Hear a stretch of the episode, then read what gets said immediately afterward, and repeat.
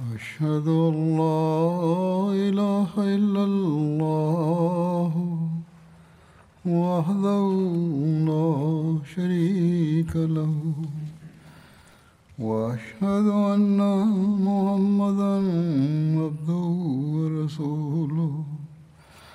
أما بعد فأعوذ بالله من الشيطان الرجيم. بسم الله الرحمن الرحيم. الحمد لله رب العالمين. الرحمن الرحيم. مالك يوم الدين.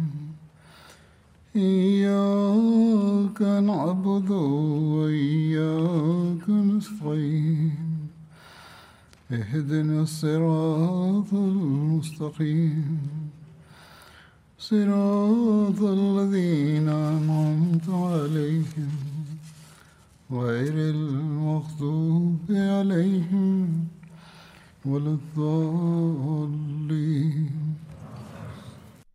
Alhamdulillah Allah Ta'ala telah menganugerahkan kita taufik untuk dapat menyelenggarakan jelasah salana UK minggu lalu. Selama tiga hari ini, kita telah menyaksikan karunia Allah Ta'ala yang tak terhingga jumlahnya. Sebelumnya kita beranggapan bahwa karena merebaknya wabah COVID, maka jalsah tahun ini pun akan diselenggarakan dalam lingkup kecil seperti tahun lalu. Namun, di bulan terakhir diputuskan bahwa segenap Ahmadi UK diizinkan untuk menghadiri jalsah. Atas keputusan ini, pada mulanya panitia cukup khawatir meskipun pada akhirnya mereka pun memulai persiapan. Dan sebagaimana yang telah saya sampaikan, pada akhirnya kita menyaksikan hujan karunia Allah Ta'ala. Jalsah sangat dinantikan dan terus ditunggu-tunggu sepanjang tahun. Banyak persiapan yang harus dilakukan oleh panitia, tetapi tatkala jalsah telah dimulai, tidak terasa betapa tiga hari ini berlalu dengan sangat cepat.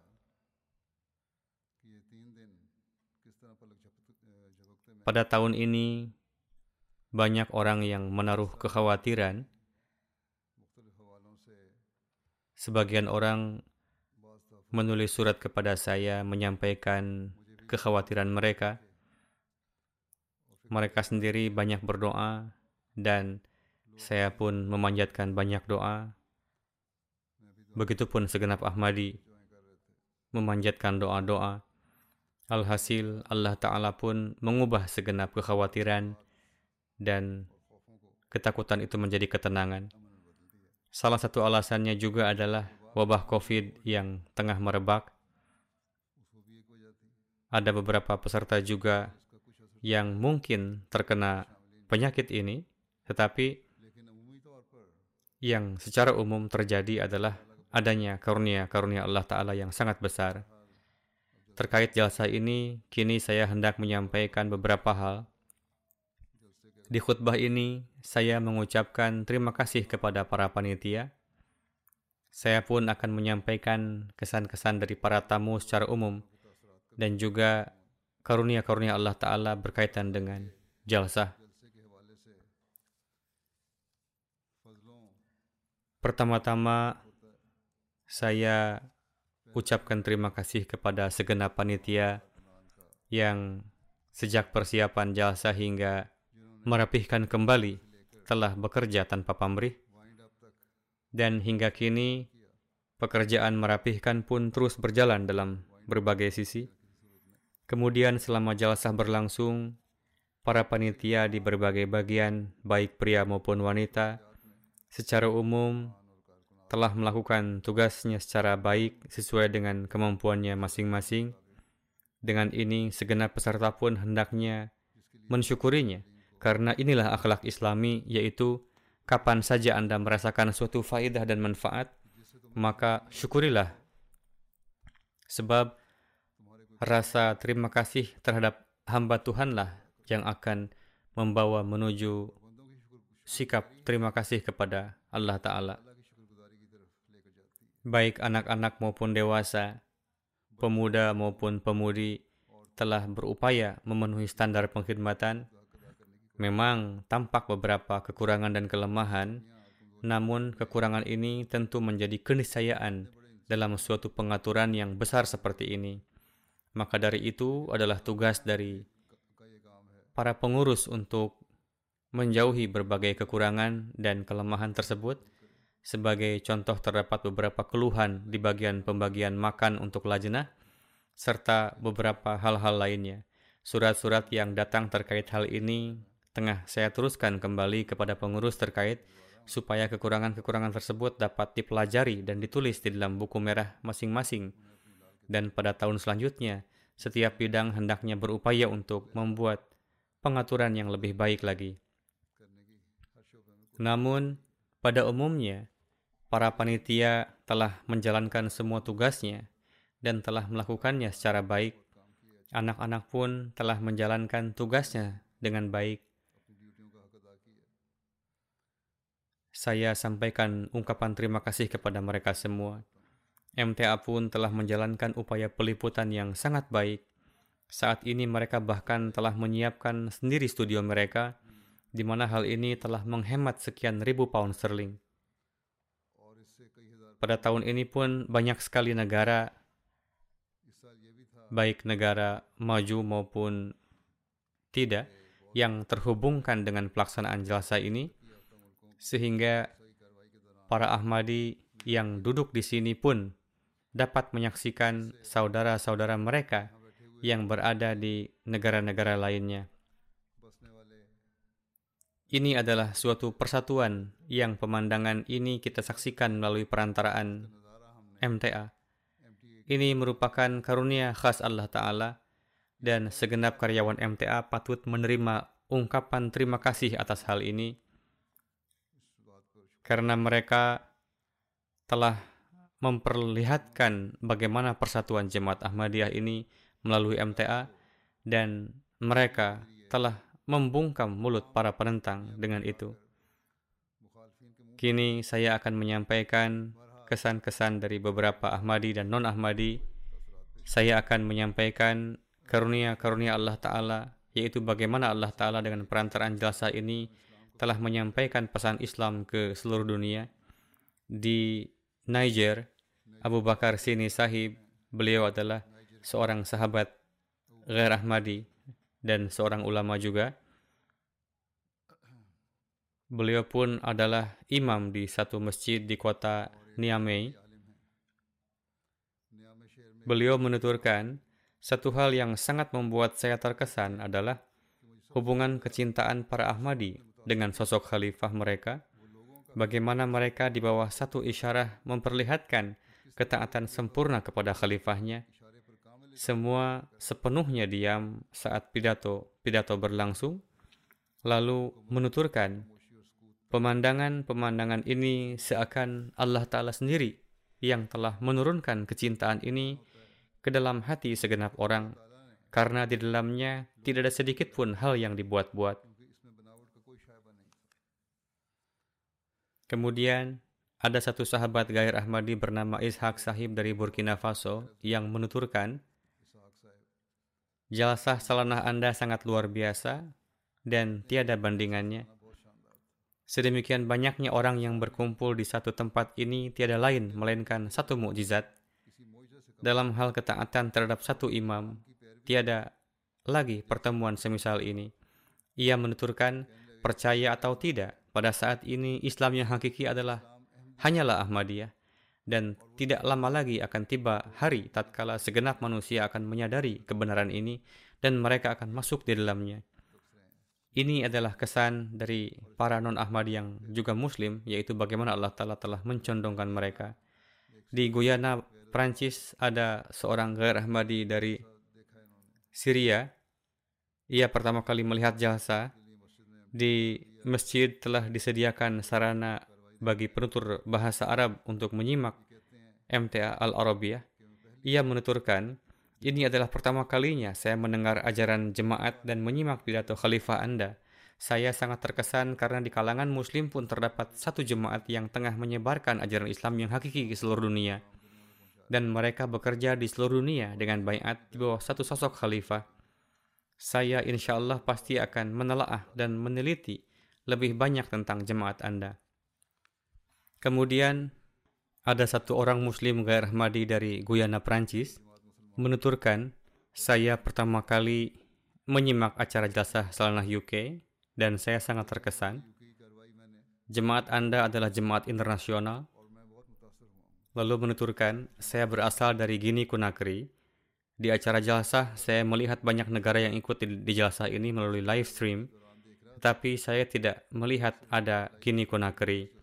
Baru saja terlintas hal demikian, saat itu juga jemaat Gini Conakry tampak di layar, dan saya sangat gembira bahwa di sana pun telah berdiri jemaat Anda lalu menuturkan, apa yang khalifah Anda sampaikan tentang hak-hak wanita telah menjadikan saya bangga sebagai seorang muslim. Ada seorang tamu non-muslim dari Liberia bernama Bob M. Dolo Sahib. Beliau bekerja sebagai manajer di suatu perusahaan distrik dan seorang yang terpelajar, menuturkan, saya sangat terkesan menyimak pidato Khalifah Ahmadiyah. Sebelumnya saya beranggapan bahwa wanita tidak memiliki hak di dalam Islam, tetapi setelah mendengar pidato ini, sekarang saya menjadi mengetahui bahwa Islam telah membahas hak-hak wanita ini dengan sangat terinci, di mana hal ini tidak diterima di agama lain. Sebelumnya saya telah mendengar bahwa jemaat Ahmadiyah adalah jemaat yang sangat teratur, sekarang saya telah menyaksikan sendiri bagaimana jemaat Ahmadiyah bersatu di bawah satu pemimpin mereka dan sibuk dalam upaya mewujudkan kedamaian dunia. Ada seorang sahabat dari Nigeria bernama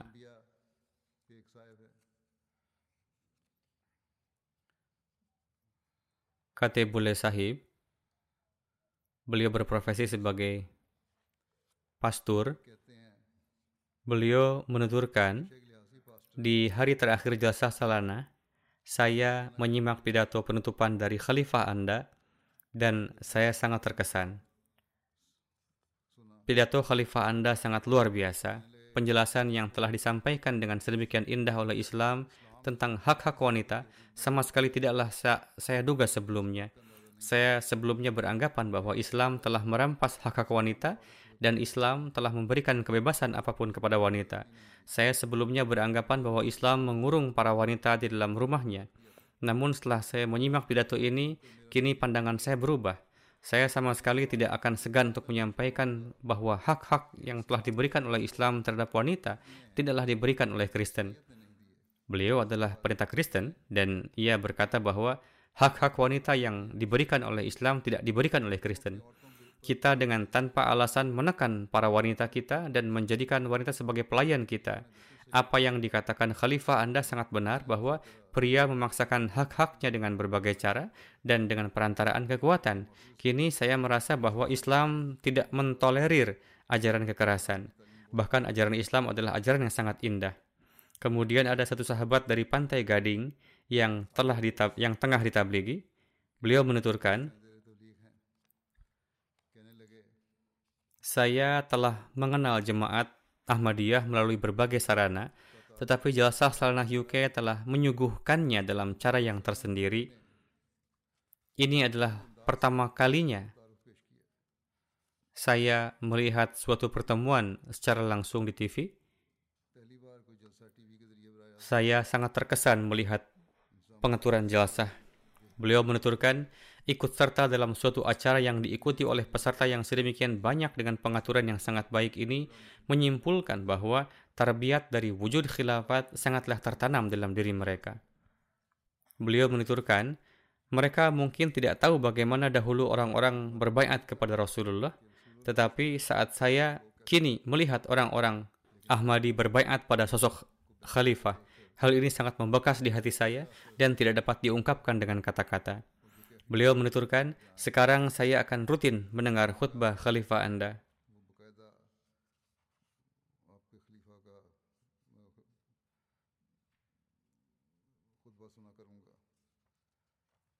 Dari Kongo Kinshasa, perwakilan dari Departemen Imigrasi datang ke jalsah ini.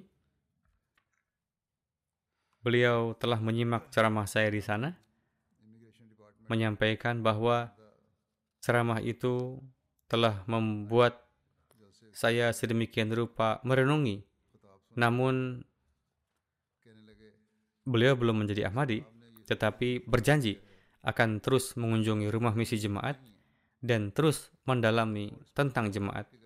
Jadi, tarbiyat pun dapat ditempuh melalui MTA.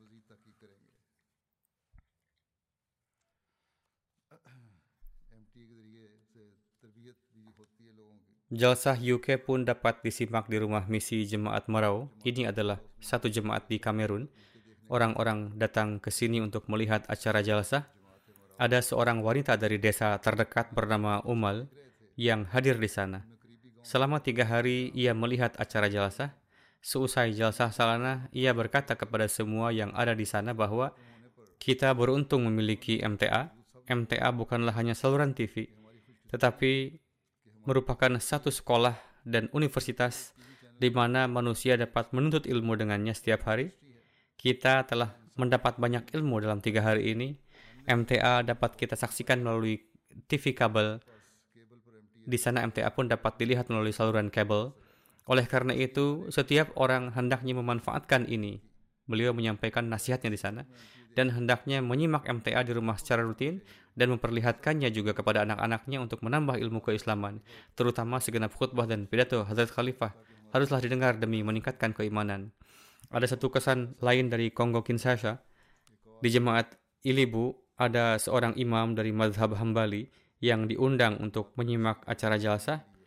Seusai jalsah, ia menuturkan, sebagaimana jemaat Ahmadiyah telah menyampaikan ajaran Islam yang hakiki ini, yang telah dibawa oleh Hadrat Muhammad Sallallahu Alaihi Wasallam kepada kita, menurut saya hal inilah yang menjadi keunggulan jemaat ini. Saat ini pun saya ingin untuk masuk ke dalam jemaat ini meskipun apa pun yang terjadi. Semoga Allah memberikan taufik kepada saya untuk melakukannya. Semoga Allah telah menganugerahkan taufik ini kepada beliau ada seorang pemudi Muslim dari Albania yang tengah ditabligi bernama Wilma. Ia menuturkan, Jalsah Salanah UK adalah pertemuan yang luar biasa dengan kehadiran yang juga luar biasa. Saat ini saya belum masuk ke dalam jemaat, tetapi Jalsah ini menggerakkan saya untuk merenungi keutamaan dan kebenaran jemaat ini dengan sungguh-sungguh. Mendengar pidato Hadrat Khalifah, saya senada dengan hal-hal yang beliau sampaikan apa yang telah beliau terangkan sangat menambah keimanan saya. Saya berharap di masa yang akan datang saya dapat menghadiri jalsah seperti ini.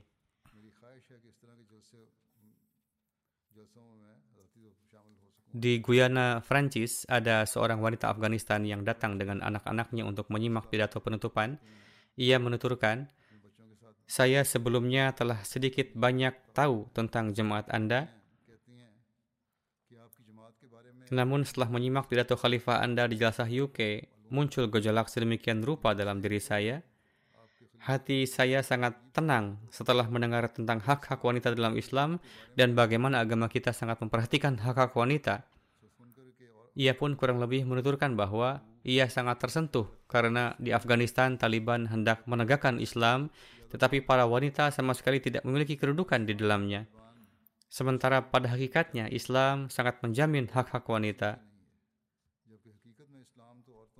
Di Liberia ada seorang tamu non muslim bernama Amus Gunse Sahib, seorang komando CID di Departemen Polisi, seorang yang terpelajar. Beliau juga hadir setelah diundang. Ia menuturkan bahwa saya sangat tersentuh saat mendengar pidato huzur di hari kedua, yakni pada hari kedua beliau diundang.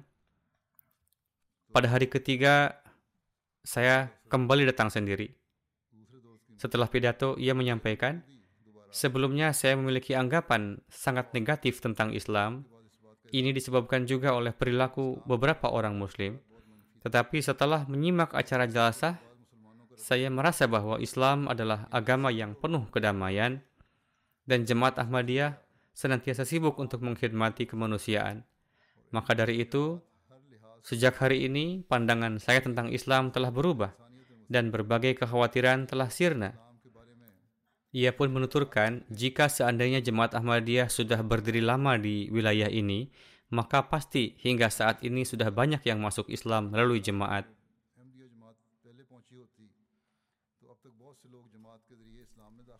Di Guyana, Prancis pun diselenggarakan penayangan jasa oleh jemaat di sana. Ini adalah jemaat yang kecil dan sedikit yang datang ke sana. Di sana ada dua orang Kristen yang berasal dari Haiti yang tengah ditabligi datang untuk menyimak pidato penutupan. Mereka berkata bahwa kami terkejut bahwa topik yang disampaikan oleh khalifah Anda dalam pidatonya, yaitu bagaimana ajaran Islam tentang hak-hak wanita, adalah topik yang tengah kami berdua bicarakan dua hari lalu yakni tentang hak-hak wanita. Kami sebelumnya tidak tahu bahwa Islam memberikan ajaran yang begitu sempurna dan komprehensif tentang hak-hak wanita. Jika seandainya kami tidak mendengar pidato khalifah Anda hari ini, kami mungkin tidak akan mengetahui ajaran yang indah dan sempurna ini. Saat ini ada banyak pembicaraan tentang hak-hak wanita, tetapi Islam menyajikan tanggung jawab laki-laki dan wanita yang dalam corak hakiki. Saat ini beliau berdua tengah menelaah buku Life of Muhammad dan kemudian mereka meminta lebih banyak literatur. Ada laporan dari Mauritius bahwa orang-orang berkumpul untuk menonton siaran jalsa. Di antaranya yang hadir adalah Tania Diole, seorang anggota parlemen dan juga sekretaris pribadi parlemen. Beliau mengatakan bahwa ini merupakan pemandangan yang luar biasa, merupakan pengalaman yang luar biasa untuk dapat menyaksikan acara dan kultur jemaat Ahmadiyah. Sangat mengesankan di mana Anda sekalian mengadakan acara keagamaan yang begitu besar di kota seperti London. Ia juga mengatakan bahwa agama menjadi sangat penting dalam situasi ekonomi dan sosial saat ini merupakan satu perkara besar di mana sejumlah besar orang berkumpul bersama untuk tujuan rohani dan mengevaluasi keadaan diri sendiri. Apalagi saat ini kita semua sedang melalui masa sulit di mana dunia sedang dilanda banyak krisis. Bagi saya, hal-hal semacam ini sangat membantu dalam melindungi masyarakat di jalur yang benar dan mempertahankan nilai-nilai yang luhur. Pengalaman ini sangat menyenangkan bagi saya. Banyak hal yang saya pelajari dari sini. Seiring dengan itu, saat ini adalah detik-detik yang memerlukan perenungan mendalam. Para mubayin baru juga telah mengirimkan kesan-kesannya. Hawa Sahiba adalah seorang mubayyah baru dari Burkina Faso. Beliau menuturkan bahwa kata-kata yang gamblang dan jelas dari khalifah memberitahu kita bahwa kita tidak hanya bayat ke dalam jemaat Ahmadiyah dengan meyakininya sebagai Islam yang hakiki, lalu membayatkan orang-orang, melainkan untuk menjadikan diri kita contoh teladan dalam masyarakat. Kita sendiri dalam masyarakat harus menjadi Ahmadi yang ideal dan memperkuat iman kita dengan menyelaraskan kata-kata dan tindakan kita dan meningkat dalam keyakinan. Ada yang mengatakan bahwa orang-orang Afrika buta huruf. Adapun wanita itu mengatakan bahwa kita hanya perlu menciptakan perubahan sedemikian rupa sehingga selaras antara kata-kata dan tindakan kita dan bagi setiap Ahmadi yang terpelajar dan bagi para Ahmadi yang menganggap dirinya terpelajar, begitupun bagi yang tinggal di Eropa dan di negara-negara maju, ini harus menjadi bahan renungan bagi mereka dan berpikir untuk menyelaraskan ucapan dan tindakan mereka di mana pun berada.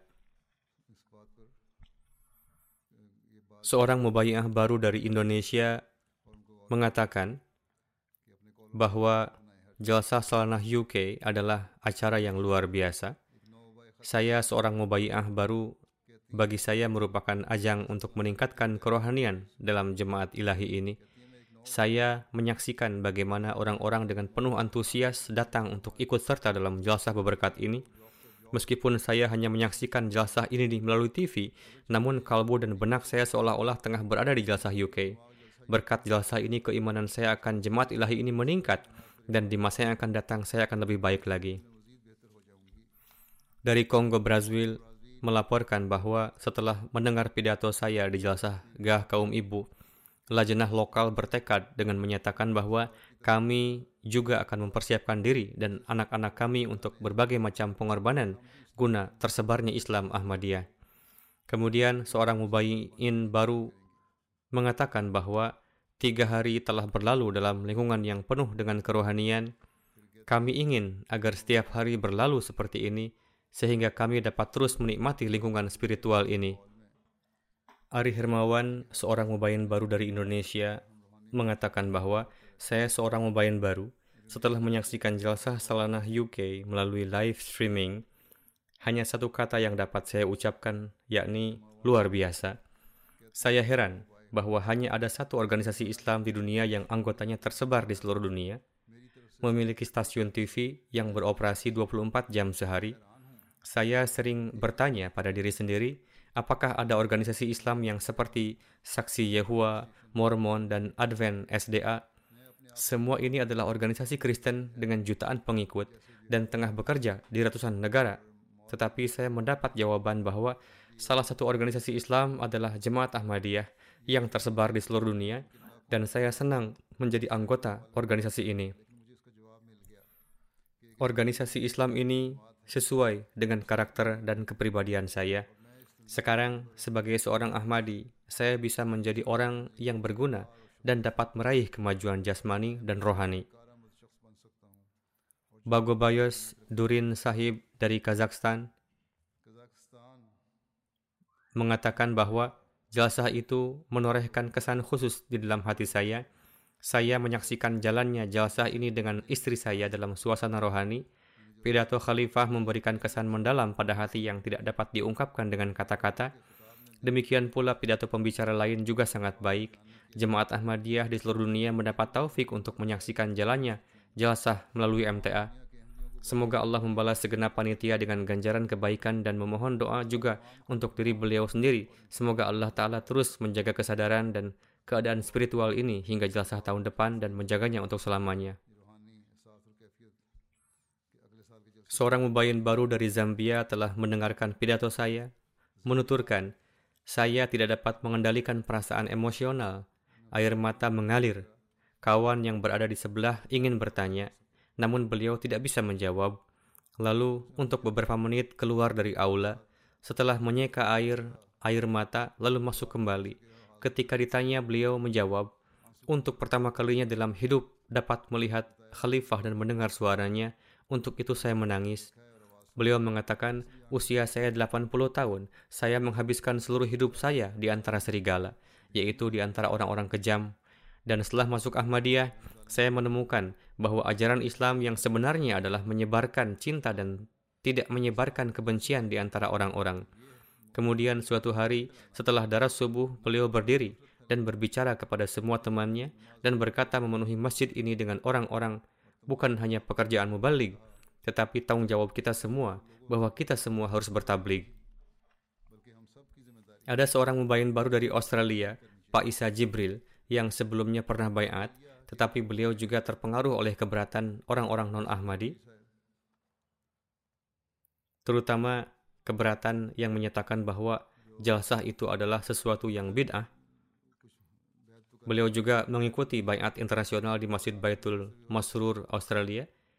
Beliau menuturkan, semua keraguan saya telah hilang karena saya dapat melihat dengan jelas bahwa jalsah adalah semata-mata diadakan karena Allah.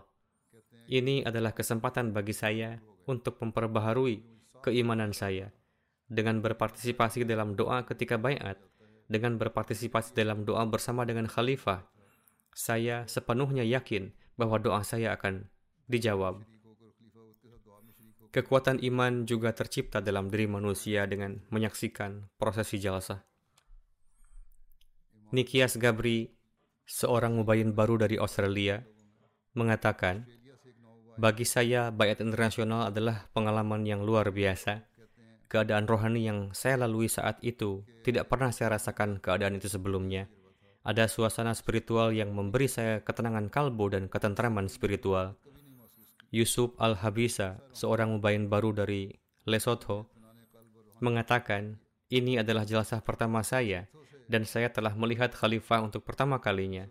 Saya telah mendengar bagaimana beliau menjelaskan cara-cara untuk memperbaiki kelemahan dan keburukan di masyarakat melalui ajaran Islam yang lebih luhur.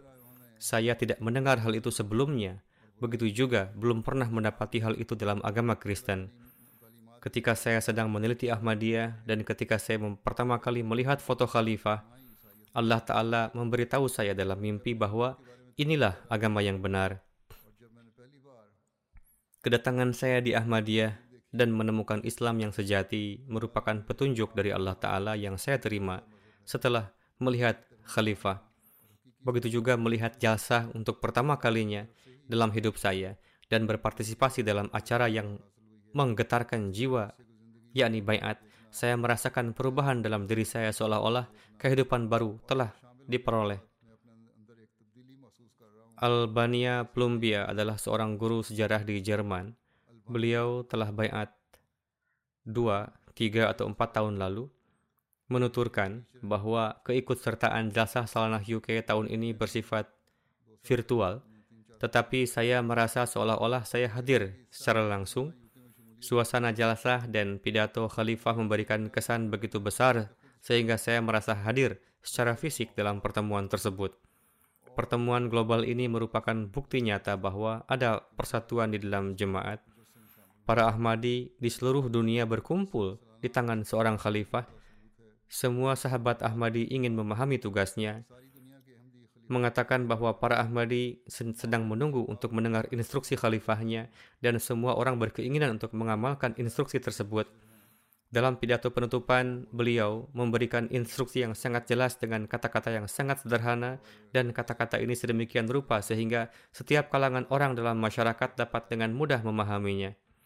Pidato tersebut membuat kita berdiri di depan tanggung jawab kita, khususnya bagi kami yang hidup dalam masyarakat Albania, di mana terdapat banyak masalah mengenai hak-hak wanita. Kemudian ada seorang wanita dari wilayah Niger Guna Romji Sahiba yang mengatakan bahwa setelah mendengarkan pidato di Jelasahgah Lajnah hari ini, saya benar-benar memahami hak-hak wanita dan tanggung jawabnya. Ketika Huzur menyampaikan perihal Hazrat Ammajan, yakni istri Hazrat Masih Maud salam, bagaimana beliau radhiyallahu anha memberikan perhatian kepada anak-anak dan memberikan terbiat yang ideal. Saat itu juga saya bertekad bahwa mulai hari ini saya akan memberikan perhatian khusus pada pendidikan anak-anak saya sehingga mereka dapat menjadi pengkhidmat agama yang ideal. Bagaimana Allah Ta'ala tengah menciptakan perubahan. Atif Zahid Sahib, seorang guru dari Adelaide, menulis bahwa perbedaan waktu antara Adelaide dan London adalah delapan setengah jam. Semua program jelasah disiarkan pada waktu larut malam di sini, saya khawatir orang tidak akan datang dan kehadirannya tidak baik, tetapi keikhlasan yang luar biasa dari orang-orang menunjukkan ketulusan yang luar biasa. Dan meskipun hari Jumat adalah hari kerja, orang-orang datang ke masjid dan mendengarkan pidato, bahkan ketika bayat internasional. Bagaimana kesetiaan para anggota, mereka bahkan begadang sampai jam 3 malam dan mendengarkan pidato penutupan, dan kecintaan semua orang terlihat kepada khilafat dan kami juga berterima kasih kepada MTA untuk itu.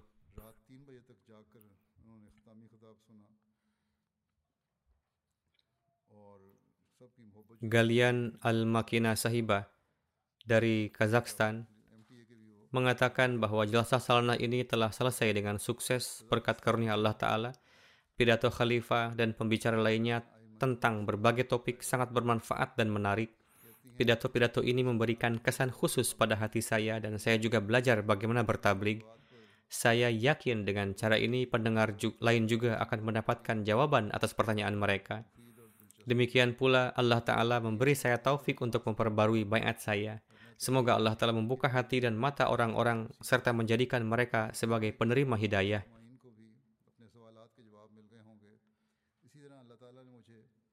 Shema Qasim Sahiba dari Yaman mengatakan,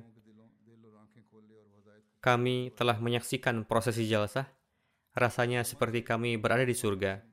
Matahari Islam telah terbit lagi di atas kita dan menyegarkan hati dan jiwa kita.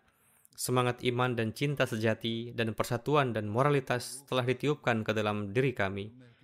Tadinya kami terjauh dari diri kami sendiri, tetapi hati kami bersama dengan Anda kita berada di dalam rumah yang sama dan tidak seorang pun kecuali seorang Ahmadi yang bisa merasakan hubungan itu.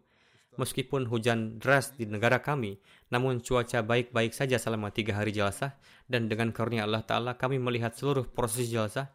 Wahai Sang Maula Karim, anugerahkanlah keberlangsungan kepada khilafah, karena tanpa dia, kita tidak memiliki keberadaan dan atau tujuan. Lalu ada wanita Arab lainnya, dua sahibah dari Kababir, mengatakan bahwa saya telah berusaha menulis catatan dari pidato Huzur. Saya sangat berterima kasih atas perhatian yang Huzur berikan pada hak-hak wanita dalam pidato penutupan. Saya mengikuti agama yang melindungi hak dan perasaan saya. Saya merasa bangga untuk mengulangi semua hal ini di depan teman-teman saya yang non-muslim. Kemudian dari sudut pandang seorang wanita, Huzur memberitahu kami tentang hak-hak kaum pria yang membuat saya mengerti apakah saya telah membayar hak-hak ayah saudara laki-laki dan suami saya dengan baik ataukah tidak? Pada saat bayat, saya menyadari bahwa kita pada hakikatnya bersama dengan khilafah dan tidak ada darat atau laut di antara kami yang menghalangi. Saya merasa sangat senang sehingga saya pikir hati saya akan meledak, meledak karenanya. Seorang wanita dari Yordania menulis, Ummu Syafi namanya, bahwa saya mendengar pidato Anda pada hari pertama jalsah. Tubuh saya gemetar ketika saya menyadari tanggung jawab saya. Dalam acara hari kedua, kami menyaksikan kecintaan para Ahmadi yang tinggal di desa bernama Wiganda kepada Hadrat Masih Maud Islam dan Khalifah Meskipun desa ini sangat terbelakang dan penduduknya masih kekurangan dari kebutuhan pokok hidup, tetap saja mendengar kata-kata seorang kepala kampung membuat membuat saya meneteskan air mata. Kepala kampung mengatakan bahwa dia mencintai Allah dan Rasulnya dan Hadrat Masih Maud salam. Ini adalah kata-kata yang tampaknya sederhana, tetapi memiliki efek mendalam di hati saya. Kemudian Marwah Sahibah, Marwah Sahibah Abdullah dari Mesir, menuturkan, Wahai Amirul Mukminin, Anda telah memperkaya hati kami dengan kekayaan spiritual melalui pidato Anda dan pidato pembicara lainnya juga. Sementara itu, saya mulai terbang di langit rohani dan menjadi sangat dingin dan menjadi sangat ingin bertemu dengan Tuhan saya. Saya ingin mencapai keadaan jiwa yang tentram seperti yang Anda sebutkan. Hati ini ingin begitu tenggelam dalam cinta kepada Tuhan dan gairat akan hubungannya, sehingga benar-benar tidak menyadari keadaan di sekitar. Tubuhku memang hadir di depan orang, tapi jiwaku harus terbang di langit kecintaan kepada Allah dan Rasulnya. Terdapat kemahiran yang khas di kalangan orang-orang Arab. Mereka sering menata untayan kalimat dan mereka tahu bagaimana mengekspresikan ketulusan dan kesetiaan. Semoga Allah telah memberikan mereka kemajuan dalam keimanan dan ketakwaan. Lalu ada seorang mubayin baru dari Malaysia bernama Nazlan Azgan. Beliau seorang insan yang sangat sederhana. Beliau menjalani kehidupan yang sangat sederhana dan kondisi keuangan juga tidak baik. Beliau saat itu tidak punya uang, bahkan untuk menyaksikan acara jalsah di internet. Lalu beliau mengambil mangga dari pohon di depan rumahnya dan menjual mangga tersebut. Lalu beliau pergi untuk membeli data internet dengan uang hasil penjualan mangga itu dan kemudian menyimak prosesi jalsa. Dari Gini Besau, seorang teman non-Ahmadi, Seni Balte Sahib mendengar prosesi jalsa, mengatakan bahwa sampai saat ini saya belum pernah melihat program seperti ini, di mana orang mendengarkan pemimpin mereka dengan penuh cinta dan rasa hormat, dan pemandangan bayat internasional sangat indah. Beliau hanya menyaksikan pemandangan bayat internasional di mana seluruh jemaat berkumpul di bawah satu tangan. Setelah melihat pem pemandangan ini, saya yakin bahwa jemaat Ahmadiyah sepenuhnya taat kepada khalifahnya dan ini merupakan rahasia kemajuannya dan pada kenyataannya jemaat Ahmadiyah adalah jemaat sejati dan Anda semua berada di jalan yang benar. Soraya Gomez dari Meksiko mengatakan bahwa saya mendapatkan kesempatan untuk mendengarkan pidato-pidato pada Jalsah Salanah UK. Pidato penutupan paling menarik di mana hak-hak wanita diuraikan dan bagaimana lingkungan rumah dapat diperbaiki ini adalah ajaran Islam yang akan saya usahakan untuk mempraktekannya dalam kehidupan saya sendiri. Selain itu, saya menjadi sangat emosional ketika berlangsung bayat internasional, suatu keadaan yang tidak dapat saya gambarkan dengan kata-kata, tetapi saya merasakan kebahagiaan dan kedamaian yang luar biasa. Seorang wanita mubayin baru dari Gini Besau, beliau juga mengajak seorang wanita non-Ahmadi bernama Zaibun Nisa ke dan mengatakan bahwa kami menyimak semua program tiga hari jelasah secara khusus dan mendengarkan semua pidato huzur dan pada hari terakhir mengumumkan bahwa sebelum ini wanita yang non-Ahmadi itu menyimpan banyak keberatan berkenaan dengan jemaat Ahmadiyah. Tetapi setelah mendengarkan pidato khalifah Anda, semua keberatan telah hilang. Dan saya menyatakan untuk bergabung ke dalam jemaat Ahmadiyah dan saya juga mendedikasikan anak saya untuk jemaat Ahmadiyah. Kamba Keta Sahiba adalah seorang wanita dari sebuah desa di Guinea Bissau. Beliau mengikuti proses jalsah Salnah UK. Ketika saya mendengar tentang bayat internasional, saya menanyakan detailnya kepada Pak Mu'alim. Pak Mu'alim menjelaskan perihal 10 syarat bayat. Wanita tersebut ikut serta dalam prosesi bayat internasional, mengulangi semua ikrar bayat dan juga mendengarkan pidato penutupan.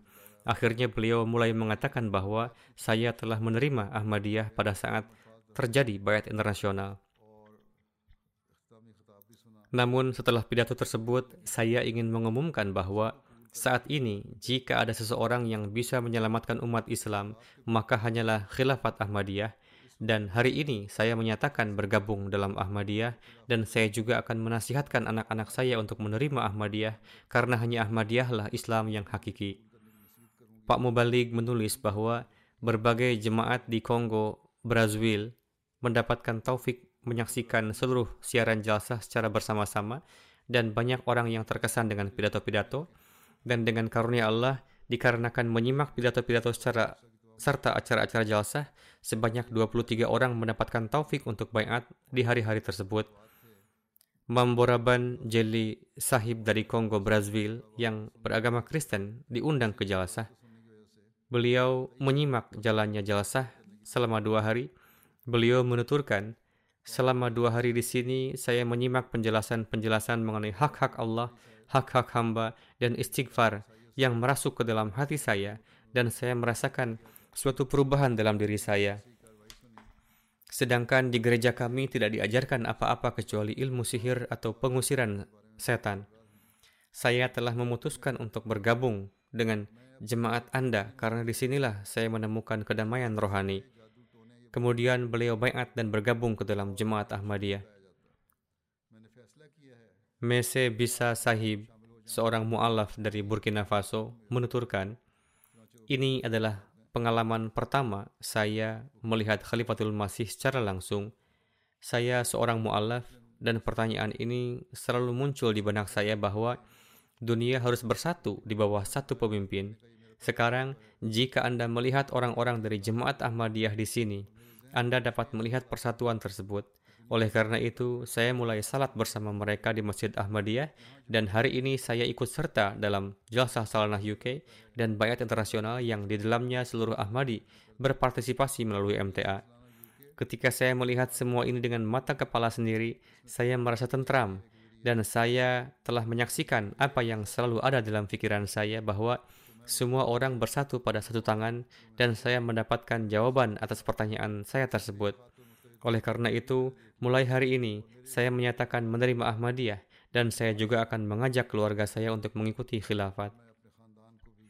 Berkenaan dengan peristiwa bayat di Sri Lanka, Amir Sahib menuturkan bahwa di jemaat-jemaat lokal dibuat pengaturan untuk menyimak jalsah salanah secara bersama-sama 85 orang Ahmadi dan non-Ahmadi ikut serta dalam jalsah dan acara bayat internasional di pusat jemaat di Kolombo, meskipun mengalami kesulitan perjalanan dan transportasi yang parah karena situasi negara. Pada kesempatan tersebut, dua orang mengikrarkan bayat dan bergabung dengan jemaat. Demikian pula, jemaat di Nogombo, Sosala, dan Polnarua ikut serta dalam jalsah secara kolektif melalui streaming, langsung, dan semua program juga diterjemahkan ke dalam bahasa Tamil. Sebagai hasil dari program ini, empat orang mendapatkan taufik untuk menerima Ahmadiyah. Terdapat laporan dari Albania. Di sana disiarkan terjemahan langsung di YouTube yang disimak oleh orang-orang Albania yang ada di Albania, Kosovo, Makedonia, Jerman, dan lain-lain. Albert Sahib, seorang Muslim Albania yang tengah ditabligi, ikut serta dalam sesi penutupan jelasah Salanah UK untuk pertama kalinya. Setelah jelasah berakhir, beliau mengatakan bahwa pidato Khalifatul Masih syarat dengan ayat-ayat Al-Quran dan sirat hadrat Rasulullah serta argumen yang rasional, namun disampaikan dengan bahasa yang sangat sederhana. Beliau juga menjelaskan jawaban atas semua pertanyaan dari mereka yang mengajukan keberatan tentang hak-hak perempuan dalam pidatonya hari ini. Tak lama setelah kembali, beliau menelepon lagi dan terus mengungkapkan perasaannya tentang jemaat Ahmadiyah dan jalsah. Beliau menuturkan bahwa jemaat Ahmadiyah adalah Islam yang hakiki.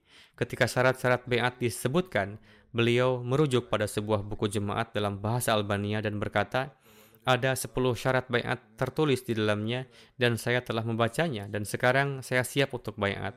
Lalu beliau bergabung dengan jemaat. Seorang mualim dari Kongo Brazzaville telah menulis bahwa ada seorang wanita yang suaminya telah menerima Ahmadiyah dan ingin istrinya menerima Islam juga. Beliau menabliginya dan mendoakannya, tetapi istrinya belum siap untuk meninggalkan gereja. Mereka diundang untuk menyaksikan jalsa. Mereka menyaksikan jalannya jalsa selama tiga hari. Dan pada hari terakhir jalsa, wanita tersebut berkata, saya telah membandingkan kata-kata pendeta saya dan khalifah Anda selama tiga hari. Saya sampai pada pandangan bahwa kata-kata khalifah begitu berbobot dan semuanya turun ke hati. Sementara kami mendengarkan kata-kata pendeta setiap hari, kami tidak pernah merasa bahwa kata-katanya menyentuh hati kami. Lalu beliau bayat dan bergabung dengan jemaat. Inilah beberapa kesan dari orang-orang yang dapat saya sampaikan. Sebagaimana yang Anda saksikan pada saat berlangsungnya jelasah, banyak pesan diterima dari para tokoh terkemuka, 126 pesan diterima dari para politisi, dan pemimpin di seluruh dunia. 101 di antaranya adalah dalam bentuk video dan 25 lainnya dalam bentuk teks. Terdapat pesan-pesan dari para menteri dan juga anggota parlemen. Selain Inggris, negara lainnya yang di sana orang-orang mengirimkan pesan di antaranya adalah Amerika Serikat, Kanada, Sierra Leone, Uganda, Liberia, Selandia Baru, Spanyol, dan Belanda. Dilakukan live streaming di 53 negara yang melaluinya orang-orang di negara-negara tersebut ikut serta dalam jelasah UK, baik itu di Eropa, Afrika, dan Asia. Di 53 negara tersebut, ada 80 tempat di mana orang-orang berpartisipasi.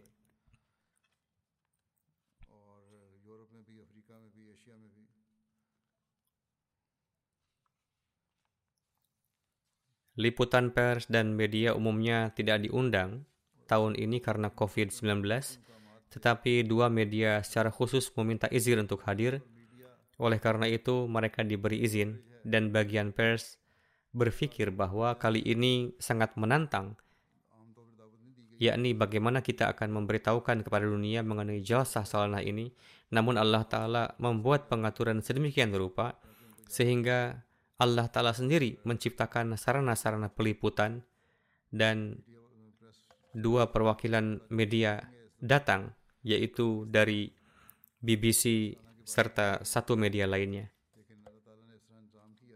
Selain itu, BBC, ITV, Metro, LBC, BBC Radio, Surrey, BBC South Today, BBC News website, dan lain-lain memberikan liputan yang bagus dan dikutip lalu disiarkan lagi oleh media lainnya.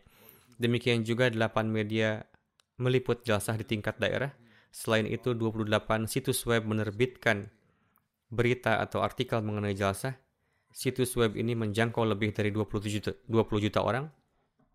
Jika dilihat di media cetak, 14 artikel tentang jalsah diterbitkan di surat kabar dan jumlah pembaca surat kabar ini adalah 1,2 juta orang. Jalsah Salanah diliput dalam 32 program di berbagai saluran TV. Jumlah pemirsa saluran TV ini lebih dari 12 juta orang. 33 program di stasiun radio memberitakan mengenai Jalsah Salanah UK. Jumlah pendengar stasiun radio ini lebih dari 1 juta orang. Melalui media sosial, beberapa media, jurnalis, dan tokoh-tokoh masyarakat menyampaikan pesan terkait Jalsah Salanah yang menjangkau lebih dari 12 juta orang. Pers dan Tim media juga membuat video ya dan mempostingnya di media sosial yang menjangkau lebih dari 234 ribu orang. Secara keseluruhan, sebanyak 57,5 juta orang menyimak liputan Jalsah Salana. Karena wartawan tidak diperbolehkan masuk, tim media pers bekerja sama dengan Departemen Tablik Jemaat UK mengirimkan makanan dari Langgar Kana kepada 32 jurnalis dan mereka sangat mengapresiasi hal tersebut. Jurnalis perwakilan BBC Edward Salt mengatakan, saya melewatkan waktu yang menyenangkan di Jalsah. Keramahannya sangat luar biasa. Saya juga senang mendengarkan berbagai pidato. Saya akan bekerja sama lagi dengan Anda di masa yang akan datang. Stevie Nita, seorang jurnalis, menuturkan, saya terkejut melihat kemurahan hati jemaat Anda seorang jurnalis Natasha Dion mengatakan bahwa sem semua agama pada dasarnya sama. Orang baik menggunakan agama untuk menyatukan orang dan membantu orang miskin, sementara orang jahat menggunakan agama untuk hal buruk, dan jalsah salanah jelas merupakan contoh orang baik. 1885 postingan foto dan video berkenaan dengan jalsah salanah diunggah di media sosial oleh MTA. Melalui ini, berita mengenai jalsah sampai kepada 4 juta orang.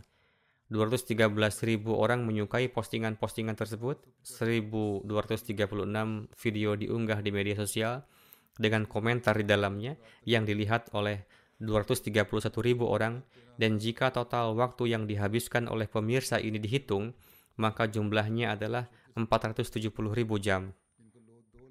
24 ribu orang mengunjungi website MTA sebanyak 92 ribu kali. MTA Afrika melaporkan bahwa Jalsah Salanah disiarkan langsung di saluran Base TV. Beberapa di antaranya adalah saluran pemerintah dan beberapa saluran swasta. Ada beberapa saluran yang ditonton di seluruh negeri. Saluran ini termasuk TV Nasional Gambia, TV Nasional Sierra Leone, TV Nasional Liberia, dan beberapa saluran swasta. Prosesi bayat internasional juga ditayang tayangkan di dalamnya.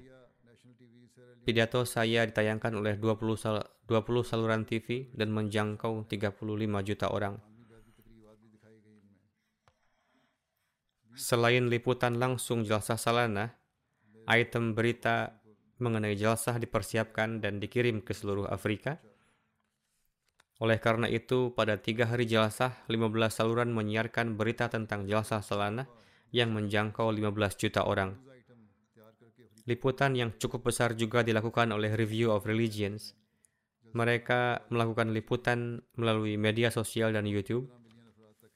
40 artikel ditulis, 12 video dibuat, dan lebih dari 110 postingan diunggah berkenaan dengan jalsah.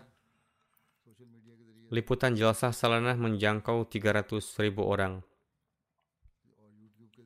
Alhasil, dengan karunia Allah Ta'ala, tak terhitung banyaknya buah dari jalasah yang Allah Ta'ala anugerahkan kepada kita, saya telah menyampaikan beberapa contoh peristiwa yang telah terjadi dan kesan-kesan dari orang-orang.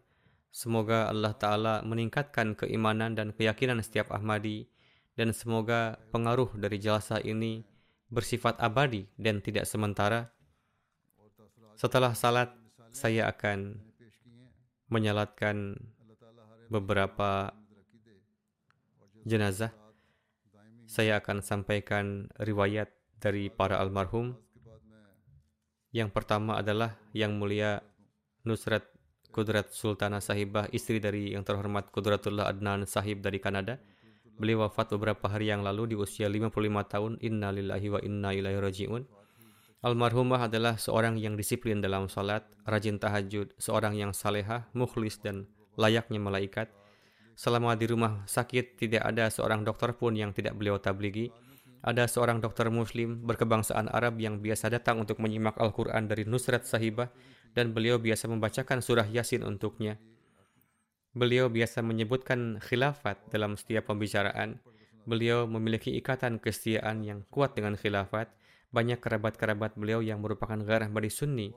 Beliau menyampaikan pesan tablik kepada mereka semua bahwa Anda semua juga harus bayat kepada imam zaman. Di antara yang ditinggalkan selain suami juga tiga anak. Salah seorang putra beliau, radhiyallahu Nu'man merupakan mahasiswa jamiah Ahmadiyah Kanada. Dua lainnya adalah saudara laki-laki beliau dan saudara perempuan beliau. Suami beliau mengatakan bahwa istri saya menjalani hidup seperti seorang wakaf zindagi. Beliau mengarah, mengarahkan seluruh kemampuan dan upayanya untuk tarbiat anak. Beliau sangat mencintai dan setia pada khilafat. Sebagaimana telah saya sampaikan, beliau sangat senang bertablik. Beliau juga menumbuhkan semangat ini pada diri anak-anak beliau. Dan saya melihat semua anaknya memiliki kesenangan dalam bertablik dan merupakan kesenangan yang luar biasa bukan kesenangan yang biasa-biasa saja. Dengan karunia Allah Ta'ala, anak-anak beliau mendapatkan tarbiyat yang istimewa dari beliau dan beliau juga sangat senang membaca.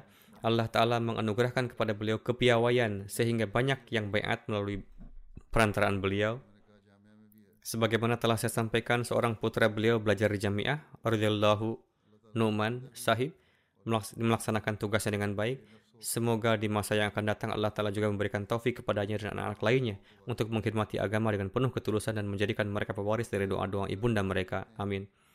Putra beliau Jariullah Adnan menuturkan, ibunda merupakan sosok wanita Ahmad yang sangat saleha, suci, mutaki, dan merupakan suri teladan. Beliau memiliki hubungan yang istimewa dengan Allah Ta'ala. Beliau sangat memikirkan tarbiat anak-anak dan pandangannya setiap saat, selalu tertuju pada Allah Ta'ala. Ketika beliau didiagnosa menderita kanker, Beliau ridho dengan ketetapan Allah Ta'ala, bahkan selalu mengatakan kepada kami bahwa kalian harus kuat dan keimanan kalian kepada Allah Ta'ala harus lebih kuat lagi. Beliau biasa mengatakan kepada dokter bahwa hidup dan mati bukanlah masalah besar, tetapi yang utama adalah seseorang harus menjalani hidupnya sedemikian rupa sehingga semua orang senang dengannya dan dia sendiri puas dengan amalannya. Semoga Allah Ta'ala meninggikan derajat beliau. Jenazah kedua yang riwayatnya akan saya sampaikan adalah yang terhormat Chaudhry Latif Ahmad Jamat Sahib. Beliau juga wafat beberapa hari yang lalu di usia 89 tahun. Innalillahi wa inna ilaihi raji'un. Dengan karunia Allah Ta'ala, beliau seorang musi Ahmadiyah masuk ke dalam keluarga beliau melalui kakek beliau, Hadrat Chaudhry Muhammad Din Sahib Wasil Baki Navis yang namanya ditulis sebagai Mia Muhammad Din Patwari Bilani Distrik Gujarat di urutan ketiga dalam daftar 313 sahabat di buku Anjame Atham Rohani Khazain jilid 11 halaman 325 Chaudhry Latif Jamal Sahib memperoleh gelar MSc Matematika dari Punjab University Lahore pada tahun 66 Beliau berkecimpung di dunia pendidikan. Dari tahun 66 hingga 68, beliau mampu mendapatkan taufik berkhidmat sebagai dosen di Talimul Islam College, Rabuah. Demikian pula dari tahun 68 hingga 94, selama kurang lebih 26 tahun beliau menjalankan tugasnya di Departemen Pendidikan di Sierra Leone sebagai guru dan kepala sekolah dengan sangat baik. Beliau seorang wakaf zindagi. Sekembalinya dari Afrika, beliau mendapatkan taufik berkhidmat sebagai naib wakilul malsani selama sekitar lima tahun dan sebagai naib wakilul malsalis selama tujuh tahun. Sebagaimana yang saya sampaikan, Beliau melaksanakan tugas mengajar di sekolah jemaat di Sierra Leone dan pada tahun 71 beliau secara resmi mewakafkan hidupnya. Pada 1 Januari 2007 beliau diangkat sebagai Wakilul Malsalis. Dengan demikian total periode pengkhidmatan beliau lebih dari setengah abad. Istri beliau Rashidah Latifah Sahibah menuturkan, Ketika itu suami saya tinggal di Sierra Leone dan setelah menikah saya pergi ke sana. Sesampainya di sana beliau menasihati saya bahwa bagi seorang wakif zindagi di sini sangatlah sulit untuk membeli dan mengkonsumsi barang-barang dari Asia. Seorang wakif zindagi serta istrinya harus memakan makanan setempat. Oleh karena itu, belajarlah memasak masakan lokal, yang karenanya setelah itu kami mendapatkan kemudahan. Beliau sosok yang sangat sederhana dan perhatian. Orang-orang yang bekerja bersama beliau juga banyak menceritakan mengenai sikap baik almarhum kepada mereka. Setiap orang memuji beliau. Semoga Allah telah menganugerahkan magfirah dan rahmatnya kepada beliau, meninggikan derajat beliau, memberikan kesabaran kepada keluarga yang ditinggalkan. Beliau memiliki satu putra dan satu putri. Seorang anak beliau meninggal di masa kanak-kanak. Semoga Allah telah memberikan taufik juga kepada mereka untuk dapat meneruskan kebaikan-kebaikan almarhum. Jenazah yang ketiga adalah Mushtaq Ahmad Alim Sahib bin almarhum Muhammad Ali Sahib dari Mirpur Azad, Kashmir.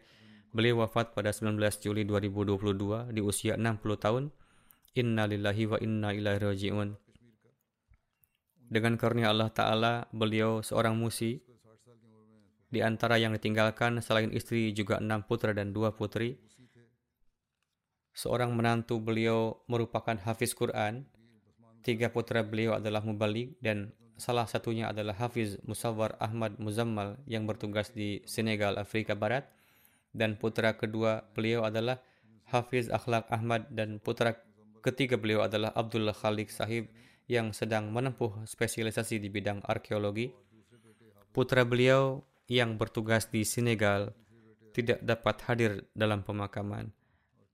Semoga Allah Ta'ala memberikan kesabaran dan ketabahan kepada beliau dan memperlakukan almarhum dengan kasih sayang. Sebagaimana telah saya sampaikan, setelah salat Jumat, saya akan memimpin salat jenazah gaib untuk mereka.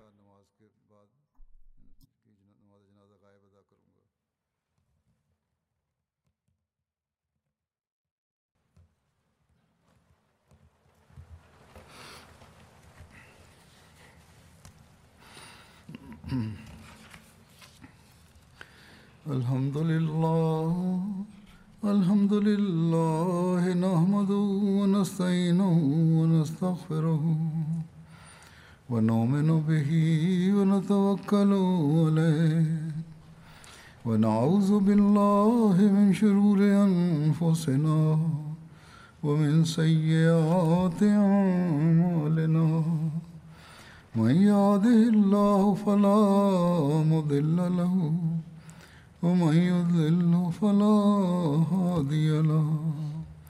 ونشهد أن لا إله إلا الله ونشهد أن محمدا عبده ورسوله.